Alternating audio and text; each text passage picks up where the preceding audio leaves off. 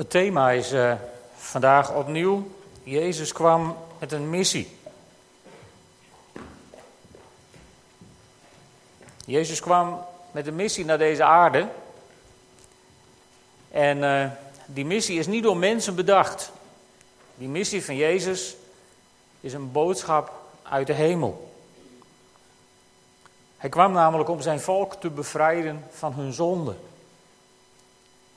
En dat was niet iets wat Jozef uitvond of Matthäus die het schreef, maar de engel die sprak tegen Jozef. We lezen daarover in Matthäus 1, vers 18. De afkomst van Jezus Christus was als volgt. Toen zijn moeder Maria al was uitgehuwelijkt aan Jozef, maar nog niet bij hem woonde, bleek ze zwanger te zijn door de Heilige Geest. Haar man Jozef, die een rechtschapen mens was, wilde haar in op, niet in opspraak brengen en dacht erover haar in het geheim te verstoten. Toen hij dit overwoog, verscheen hem in een droom een engel van de Heer. De engel zei: Jozef, zoon van David, wees niet bang je vrouw Maria bij je te nemen. Want het kind dat ze draagt is verwekt door de Heilige Geest. Ze zal een zoon waren. Geef hem de naam Jezus, want hij zal zijn volk bevrijden van hun zonden. En daar wil ik het vanmorgen opnieuw met jullie over hebben. En de vraag waar ik mee wil beginnen is: hoe deed Jezus dat?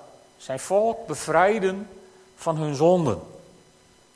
En ik wil nog een keer met jullie kijken naar hoe Jezus omging met tollenaars. Dat hebben we ook gedaan op 5 mei van dit jaar.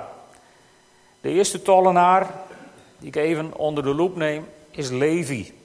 Of Matthäus, maar net in welk Bijbelboek je hem tegenkomt.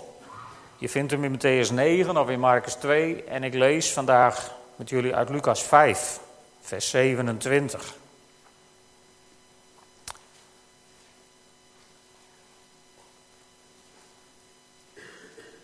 Levi of Matthäus, die later ook het Bijbelboek Matthäus mocht schrijven, was tollenaar toen Jezus hem ontmoette. Lucas 5, vers 27. Daarna ging Jezus naar buiten en zag bij het tolhuis een tollenaar zitten die Levi heette. Hij zei tegen hem: Volg mij. Levi stond op, liet alles achter en volgde hem. Hij richtte in zijn huis een groot feestmaal voor hem aan, waarop een groot aantal tollenaars en anderen samen met Jezus aanwezig waren. De fariseeën en hun schriftgeleerden zeiden morrend tegen zijn leerlingen: Waarom eet en drinkt u met tollenaars en zondaars?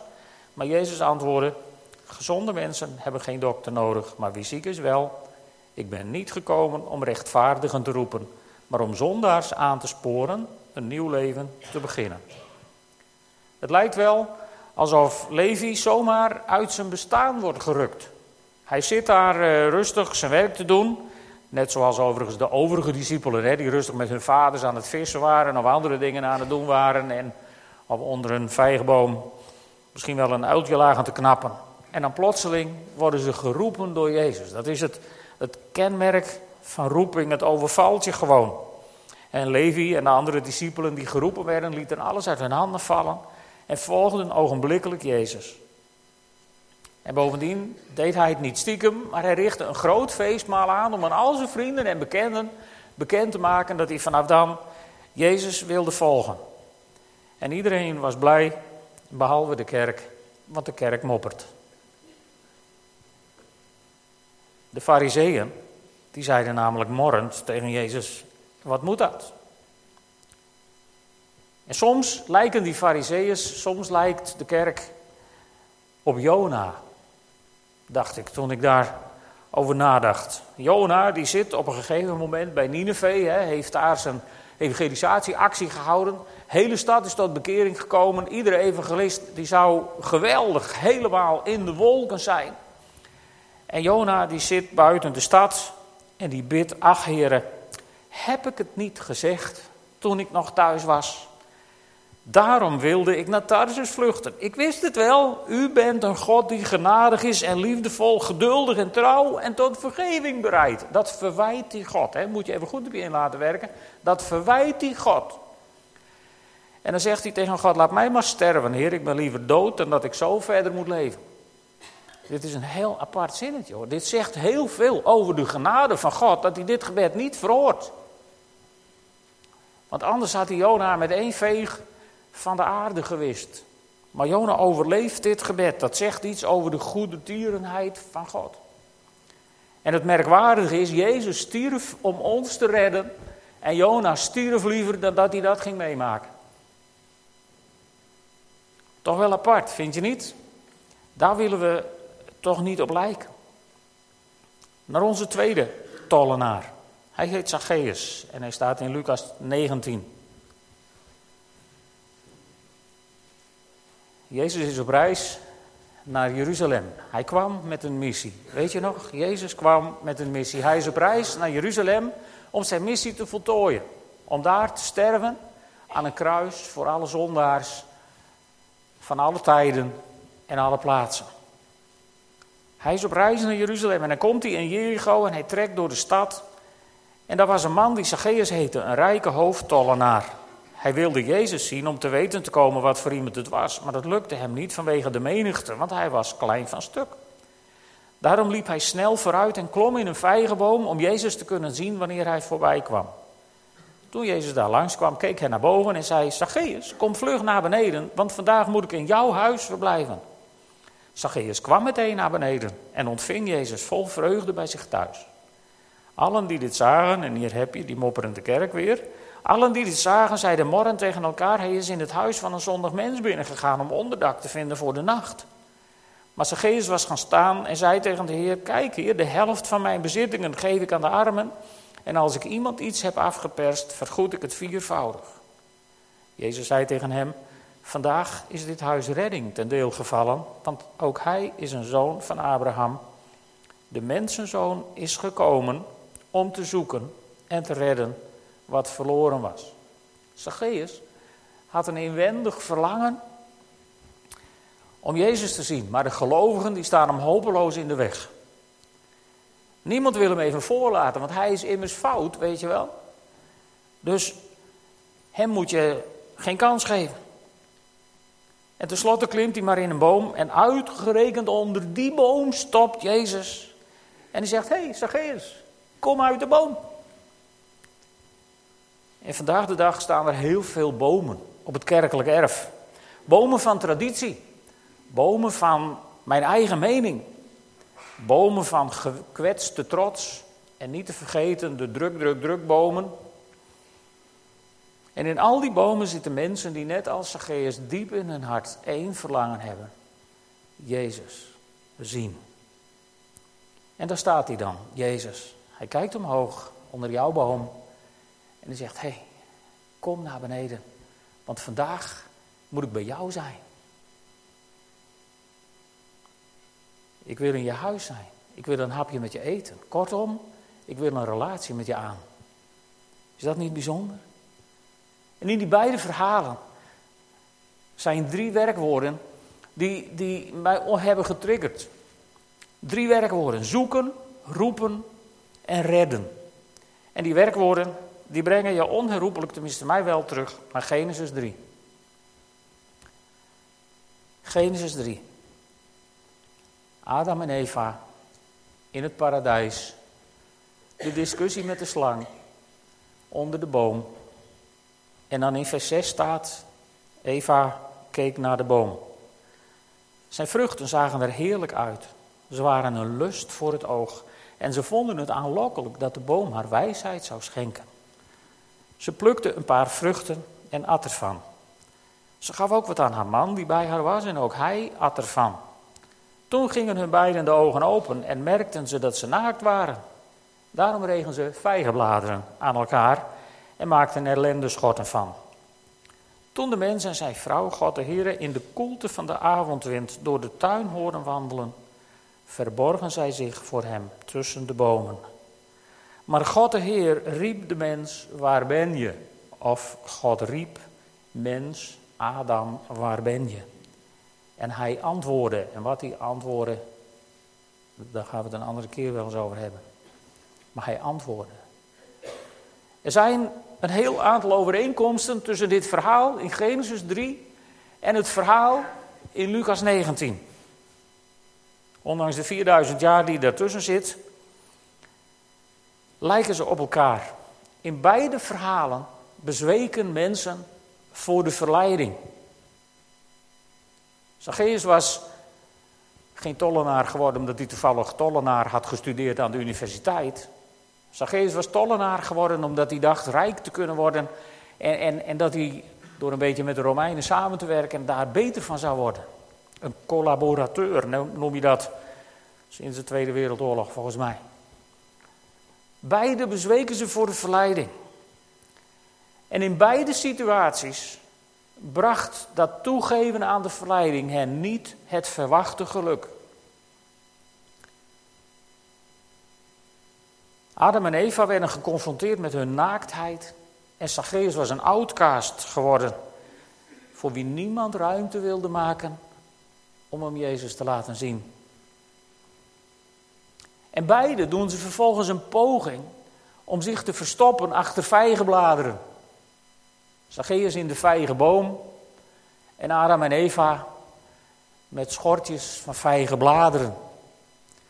Een vorm van eigen rechtvaardiging, eigen gerechtigheid zou je kunnen zeggen. Ze maakten zelf iets om hun naaktheid te bedekken. Maar ze kozen een product wat na een tijdje dor en droog is geworden en verlept en uit elkaar valt. En dan sta je dan weer in al je naaktheid. Het was geen oplossing. Dat dachten ze eerst wel even. Maar het was een vergissing. En, en allemaal worden ze door God gezocht. Dat is heel wonderlijk, want ik weet niet wat jullie beeld van God is, maar voor mij is God is eeuwig, almachtig, alwetend, alomtegenwoordig. Zo zijn er misschien nog wel een paar kreten te bedenken. Dus God weet alles. God wist al lang dat ze van die vrucht hadden gegeten. En Jezus, als hij zijn goddelijke eigenschappen bij zich had, dan wist hij al lang dat Zacchaeus daar in die boom zat. God wist het in ieder geval wel. En toch staat er dat God kwam zoeken. Maar God komt nooit zoeken omdat hij niet weet waar je zit. God komt zoeken omdat hij bij je wil zijn. God zocht Adam en Eva niet omdat hij geen flauw idee had onder welke struik ze zaten. Hij riep Adam, waar ben je? Met het verlangen in zijn hart om, om, om weer contact met hen te hebben. En Jezus stond onder de boom, niet, niet omdat, hij, omdat hij op zoek was naar Zacchaeus. Hij had niet onder alle bomen lopen kijken, zou hij hier zitten of zou hij daar zitten. Hij ging precies onder de goede boom stilstaan en hij keek omhoog en hij zei... Hé hey, Zacchaeus, bij jou wil ik vandaag in huis zijn. Ik wil een relatie met je aan. Het wonderlijke is namelijk dat, dat, dat als Adam en Eva God horen wandelen in de tuin, dan hebben ze zo gezondigd. Ze hebben de hele schepping in de waagschaal gelegd. En je zou zeggen, als ze elke avond even met God wandelden, dan zou dit toch de eerste avond zijn waarop God zei van nou nu even niet. Maar God komt gewoon zijn avondommetje met hen doen, net als altijd.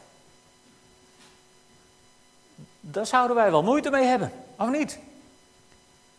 En, en, en anders bekeken, Adam en Eva die horen niet de voetstappen van een God die van hen wegrent om zo ver mogelijk bij die zondige mensen vandaan te komen.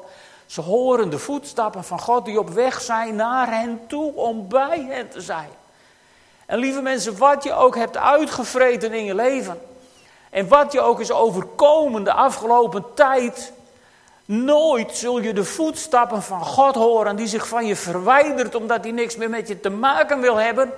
Altijd zul je de voetstappen van God horen die op weg zijn naar je toe om gemeenschap met je te hebben in je gebrokenheid. En om je heelheid te brengen, om je genade te brengen, om je vergeving te brengen. Altijd als je de voetstappen van God hoort, is Hij op weg naar je toe. Want dat is het hart, dat is de missie waarvoor Jezus zelfs uit de hemel bereid was naar deze wereld te komen. Op weg naar jou toe, naar mij toe. Niet om afscheid van ons te nemen, maar om ons te zoeken. En zo worden ze door God gezocht en ondanks het feit dat God weet waar ze zitten, worden ze niet door vuur van de hemel getroffen. Ze worden niet overvallen door een kudde engelen. Ze worden niet, niet gearresteerd of whatever. Maar ze worden liefdevol door God geroepen. Kom uit je boom. Kom achter je vijgenbladeren vandaan. Kom uit je eigen gerechtigheid tevoorschijn. Kom maar bij mij. En kom maar bij mij zoals je bent. Weet je, God valt niet van zijn troon als hij ontdekt hoe wij zijn. Hij weet hoe je bent. Je moet Psalm 139 daar maar eens goed op nalezen. Hij weet hoe je bent. Hij kent je ten diepste. En nochtans houdt hij van jou en van mij. Kun je dat enigszins beseffen? Hij houdt van jou en van mij. Ondanks alles wat we in het leven op onze kerfstok hebben.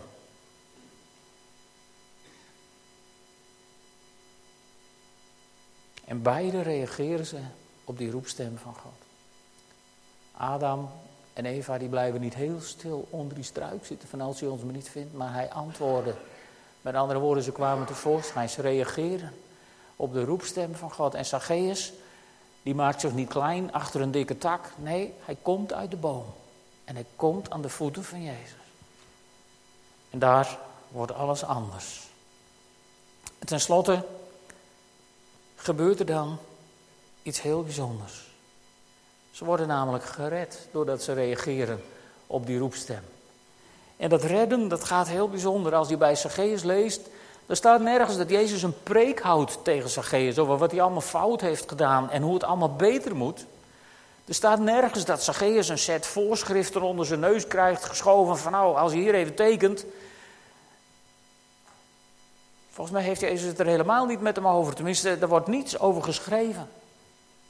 Maar de aanwezigheid van Jezus, het bij Jezus zijn, creëert op de een of andere wonderlijke wijze een nieuwe Zacchaeus. Zegt, Heer, ik geef de helft van mijn bezit aan de armen en iedereen die ik iets heb afgeperst, zal ik viervoudig vergoeden. Nou, dan wordt hij failliet. Maar dat maakt er niet uit. En tenslotte worden ze dan bekleed met nieuwe kleren. Adam en Eva die kregen dierenhuiden waarvoor bloed gevloeid had. Genesis 3, vers 21. In plaats van die vijgenschortjes die zouden verdorren en uit elkaar zouden vallen, kregen ze iets wat permanent hun naaktheid bedekte. En, en Zacchaeus, Levi of Matthäus, weet je, zij werden bekleed met de klederen des heils, waarvoor het bloed van Jezus had gevloeid. Zo worden ook wij bekleed met de klederen des heils, waarvoor het bloed van onze Messias heeft gevloeid. En dan kom ik bij die tekst, Jesaja 61, vers 10, zoals hier in de NBG-vertaling staat. Ik verblijd mij zeer in de Here mijn ziel juicht in mijn God, want Hij heeft mij bekleed met de klederen des heils. En met de mantel der gerechtigheid heeft Hij mij omhuld. Hij roept je. En als je bij Hem komt, dan zal Hij je voorzien van nieuwe kleren. Is dat, niet, is dat nou niet een goede boodschap? Is dat nou niet een missie waarvoor je zou zeggen, die Jezus, die moet ik hebben, die wil ik volgen? En weet je, de mooiste samenvatting van deze preek, van deze gedachten, die staat eigenlijk in Lucas 15. Ook daar gaat het weer over tollenaars die bij Jezus komen en de kerk die moppert. Lucas 15. Alle tollenaars en zondaars kwamen hem opzoeken om naar hem te luisteren. Maar zowel de fariseeën als de schriftgeleerden zeiden morren tegen elkaar: Die man ontvangt zondaars en eet met hen. En toen vertelde Jezus hun een aantal gelijkenissen. En die ken je wel. De gelijkenis van de goede herder. Het gaat dus over God die zoekt. Die zoekende God komt in, in deze gelijkenis naar voren. De goede herder die 99 schapen achterlaat om één verloren schaap te zoeken. En dan een feestje bouwt als hij het heeft gevonden. En daarna vertelt hij die gelijkenis van die vrouw die, die een muntstuk kwijt is. Ongeveer een dagloon overigens. Het was wel de moeite waard om even te zoeken. Maar ze keert haar hele huis ondersteboven. En er blijft geen vloerkleedje op zijn plek. En er wordt geveegd en gepoetst en gezocht. Net zolang tot ze heeft gevonden wat ze kwijt was. En dan dat verhaal van die twee zonen en hun vader, hè, de verloren zoon. Onder die titel kennen we het verhaal. De vader die alsmaar bleef wachten op zijn zoon. Van zou die terugkomen, zou die terugkeren. Als het ware ook weer dat beeld van Jezus die zegt, hé hey, kom nou uit je boom. En die dan blijft wachten tot je komt. En als die vader zijn zoon ziet komen, dan staat dat zo mooi in de Bijbel. Hij naar hem toe. Nou, het verhaal van de verloren zoon geeft helemaal de indruk van een zeer welgestelde landeigenaar in het Joodse Rijk. En zo'n zeer welgestelde landeigenaar die droeg lange kleding om zijn deftige status aan te geven. En zo'n zeer welgestelde landeigenaar die rende niet. Dat hoorde niet. Dat paste niet in de etiketten. Zo iemand die schreed heel voorzichtig. Dat kon ook niet anders met die lange kleren. Maar wat lees je? De vader ziet die zoon aankomen, die tilt zijn kleren op. Met andere woorden, die geeft zijn hele waardigheid, die geeft die prijs. En hij rent zijn zoon tegemoet. Hij was bereid om helemaal voor gek te staan. Voor alles en iedereen. Nou, kijk hem dan toch eens rennen, dat doe je toch niet? En zo rent hij zijn zoon tegemoet. En hij brengt in een opperste feeststemming zijn zoon mee naar huis. En wat is het eerste wat hij krijgt? Nieuwe kleren. Vind je dat niet wonderlijk? God is naar jou en mij op zoek. Hij weet waar we zitten. Hij weet wat we doen. Om het nog enger te maken, hij kent mijn gedachten. Psalm 139. En desondanks heeft hij zich niet omgekeerd van ik moet maken dat ik hier wegkom. Maar heeft hij zich juist omgekeerd en zijn kleed opgeschort. En rent hij naar jou toe.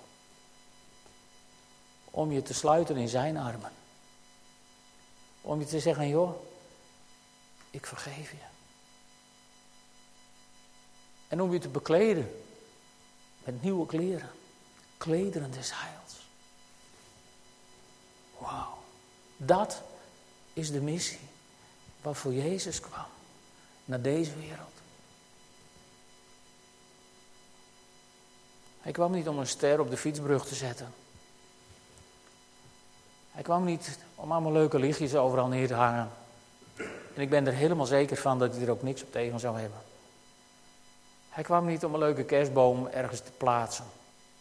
En ook daar zal hij vast niks op tegen hebben. Ik denk dat, ik denk dat de vader en de zoon en de geest het hartstikke leuk vinden dat wij met kerst de boel lekker versieren en mooi maken en gezellig doen. En zolang we maar niet vergeten wat we vieren. We vieren het feit dat de Almachtige God zijn zoon naar deze wereld stuurde, waar hij als kindje werd geboren.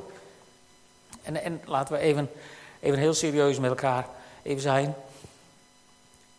Als, als, als, als u nou die Almachtige God was, in de hemel, van alle luxe voorzien, en u zou naar deze wereld moeten. Dan zou je toch een, eh, de, de vurige wagen van eh, waar Elia mee was opgehaald, bijvoorbeeld, zou je denken, nou, span de vurige wagen in, een paar leuke paarden ervoor, een bos engelen erbij. En, en, en, en, en dan ga ik gewoon als koning en als majesteit ga ik naar deze wereld om de boel even te regelen. Toch? Ik bedoel, één keer als volwassen mens ga je toch niet als baby terug naar deze aarde als volwassen God, laat ik het zo zeggen. Ga je toch niet als baby terug naar deze aarde in die vieze luiers en die vieze melk en dat gedoe allemaal. En, en, en dat, ga je toch niet doen? Ik bedoel, dan begin je toch niet benul? Dan wil je toch een beetje stijl, of niet? Zo niet onze Heer Jezus. Want hij kwam niet alleen voor grote mensen. Hij kwam ook voor die allerkleinsten. En hij kwam alles dragen in zijn lichaam wat wij mee moeten maken. En dat begint met natte luiers, hongerige maagjes, schreeuwende kelen. Alles heeft hij meegemaakt. Alles heeft hij doorstaan voor jou en voor mij. Hij had een missie en hij kwam naar deze wereld om te zoeken. Om te zoeken wat hij al lang gevonden had, wat hij al lang wist. Maar hij wilde mij en jou het gevoel geven dat we gezocht worden, dat we, dat we gewenst zijn, dat we gewild zijn. Dat is wat dat woord tot uitdrukking bent, brengt. Jezus kwam naar deze wereld omdat hij stapelgek op jou is, op ieder van jullie. Dus als je ooit voor de spiegel staat en je nou, het ziet er niet uit. Uh -uh. Zoek geen ruzie met Jezus. Hij is stapelgek op je. Geloof hem nou. Neem het aan. Zo gek is hij op je. Hij komt je zoeken om je te laten weten dat je gewenst bent. En als hij, als, als hij dan dicht bij je in de buurt heeft mogen komen, en daar gaan wij zelf vaak, heel, vaak over. Hè? Wij laten toe dat Jezus dicht bij ons komt. En als hij dan dicht bij ons is gekomen, dan roept hij je bij je naam. En dan zegt hij, met jou zou ik vandaag wel een hapje willen eten. Of een bakje koffie drinken. Of een borrel drinken misschien wel. Want ik wil vandaag even met je praten.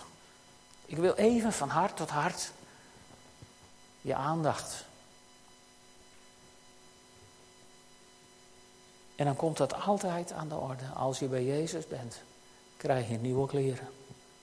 Dan word je bekleed met klederen des heils met een mantel der gerechtigheid. En dat is heel wat anders dan die dode vijgenbladeren die op een duur uit elkaar vallen. Deze mantel der gerechtigheid is de gerechtigheid van Jezus Christus, de Zoon van God, behaald aan het kruis op Golgotha.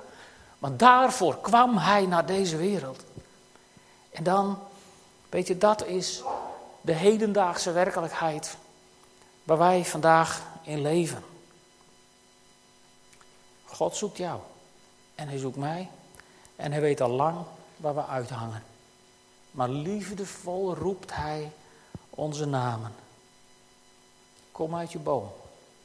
Kom uit je boom. Jezus wil een maaltijd met je houden en je in het nieuws steken. Misschien zeg je van nou, voordat ik in het nieuw gestoken word, moet ik van tevoren nog een bad. Dan zou ik zeggen, meld het even, want dan maken we dat hier voor de kerstdagen nog klaar. Als je denkt, ik moet nog in bad, want weet je, ook dat heeft met nieuwe kleding te maken. In Galaten 3, vers 27, daar schrijft Paulus, u allen die door de doop één met Christus geworden bent, hebt u met Christus omkleed. Misschien voel je je af en toe naakt in het leven staan. Als je dan nog niet met Christus bent begraven en opgestaan in een nieuw leven, dan zou dat misschien wel eens de oorzaak kunnen zijn dat je je soms naakt in het leven voelt staan. En dan mag ik je namens Jezus Christus die geweldige oplossing aanbieden. Laat je dopen om één met Christus te worden en met Hem omkleed te worden. En nooit zul je weer naakt staan in deze wereld. Voor altijd zul je bekleed zijn. Jezus kwam naar deze wereld met een missie. En misschien heeft hij vanochtend jouw hart aangesproken. Misschien heeft hij in jouw hart iets gedaan. Van hé joh, kom uit je boom, kom nou eens naar beneden. Want of wat kunnen we soms hoog in de boom zitten. Hebt u daar nooit last van? Ik wel. Kom naar beneden. Hij nodigt je misschien wel uit vandaag. Kom in het waterbad. Ik weet niet wat Jezus in uw hart heeft gedaan. Maar één ding zou ik tegen je willen zeggen. Laat hem daar niet voor niks staan te roepen. Onderaan jouw boom. Kom naar beneden. Heb maaltijd met hem. Heb gemeenschap met de Zoon van God. En je zult bekleed worden met klederen des heils. Zullen we gaan staan? en een moment bidden.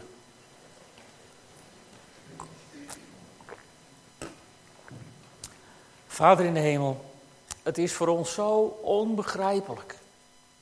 Heer, als we, als we de dingen horen die, die mensen in, in ons midden zijn overkomen, dan vragen we ons af, Heer, moet dat nou zo? Zoals Rijn bad. En Heer, als ik me dan omdraai en kijk naar het kruis en me realiseer hoe u hebt moeten lijden, dan denk ik ook, Heer, moest dat nou zo? Uw wegen zijn voor ons vaak niet te doorgronden en niet te begrijpen. Heer, en zo is het ook niet te begrijpen dat u mij wenst, dat u mij zoekt, ondanks wie ik ben. Zo is het ook niet te begrijpen, Heer, dat u mijn naam nog over uw lippen kunt krijgen. Heer, dat moet uw grenzeloze genade zijn. En ik dank u deze ochtend dat u naar deze wereld kwam met een missie om zondaren te redden. Heer, want als u niet met die missie was gekomen, was ik nu voor eeuwig verloren geweest. Heer, ik dank u wel dat u mij bekleedt met de klederen des heils. En dat u mijn, mijn schortje van eigen gerechtigheid hebt omgeruild voor uw mantel der gerechtigheid. Heere God, ik dank u wel. Ik prijs uw naam. Halleluja. Amen.